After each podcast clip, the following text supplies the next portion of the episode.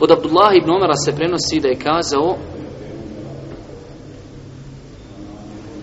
Rekao je Allahu poslanik alejhi salatu wasalam Ejibu ad-da'i wala taruddu l'hedije hadiya wala tadribu l'muslimin muslimin Odazovite se onome ko vas pozove.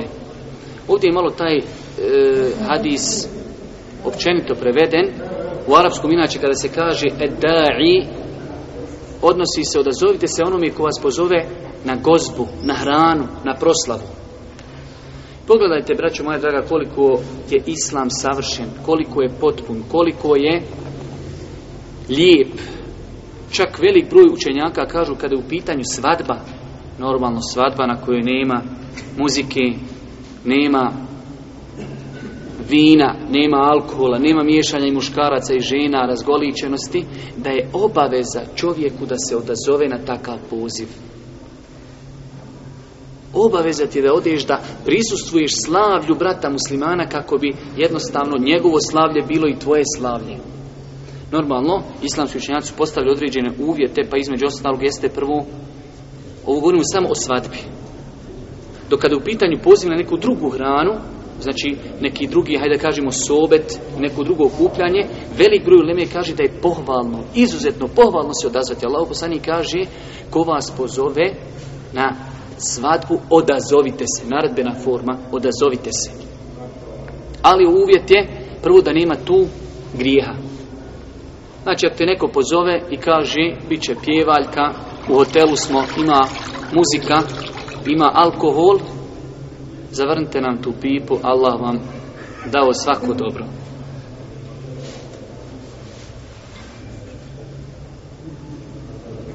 Znači, prvi uvjet je da nema grijeha. I čovjek neće biti griješan, čak šta bit će griješan ako se odazove. Sutra te neko zovni i kaže u holideinu pjevačica ta i ta skače, igra, cupka, alkohol se dijeli i bujrum dođi. Kaže, ako ne dođiš na ljuči se. Ljud se, dragi, 16 puta, koliko god hoćeš, ne mogu. Priči mi Allahom hatur od toga.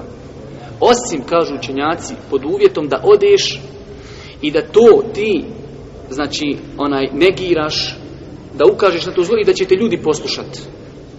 Tada trebaš otići. Ako si autoritet kod tog čovjeka, da ti odeš i kažeš ljudi ovo je haram, ovo je zabrajno, Allah nije zadovoljan, ovo, ovo, ono, i on kažu nismo znali, Efendija, izvini, Allah te nagradio, zavrči muziku, daj samo bezalkoholnu pivu, odijel, nema veze, bezalkoholna piva u tim slučajevima može inša. Znači, uvjete da bi bilo obaveza da se odazove čovjek da nema munkera, također da ga pozove musliman. Jer Allah poslani kaže, pravo muslimana kod muslimana jeste kad ga pozove da mu se odazove. Tuk ne kako pozove, čovjek se može odazvati ako nema tu grijeha, ali nije obaveza. Također, kažu islamski učenjaci, da provođenje te svadbe neće uzrokovati izostavljanje vađiba. Kažu, dođi na svadbu, svadba počinje u 3 i traje do 12. Prekidate li vi kako? Nikako, kažu. Pa klanjate li, spajate li makar namaze? Ništa, kaj mi ne klanjamo. Tako, znači, tu čovjek ne treba da se odaziva. I zadnja stvar, četvrti uvjet da bi poziv na svadbu bio obavezan, znači da bi se čovjeku bilo obavezno odazvati, jeste da te čovjek pozove lično. Čovjek ako dođe i najavi u džami, kaže kogod hoće nek dođi. Kogod dođe, alhamdulillah.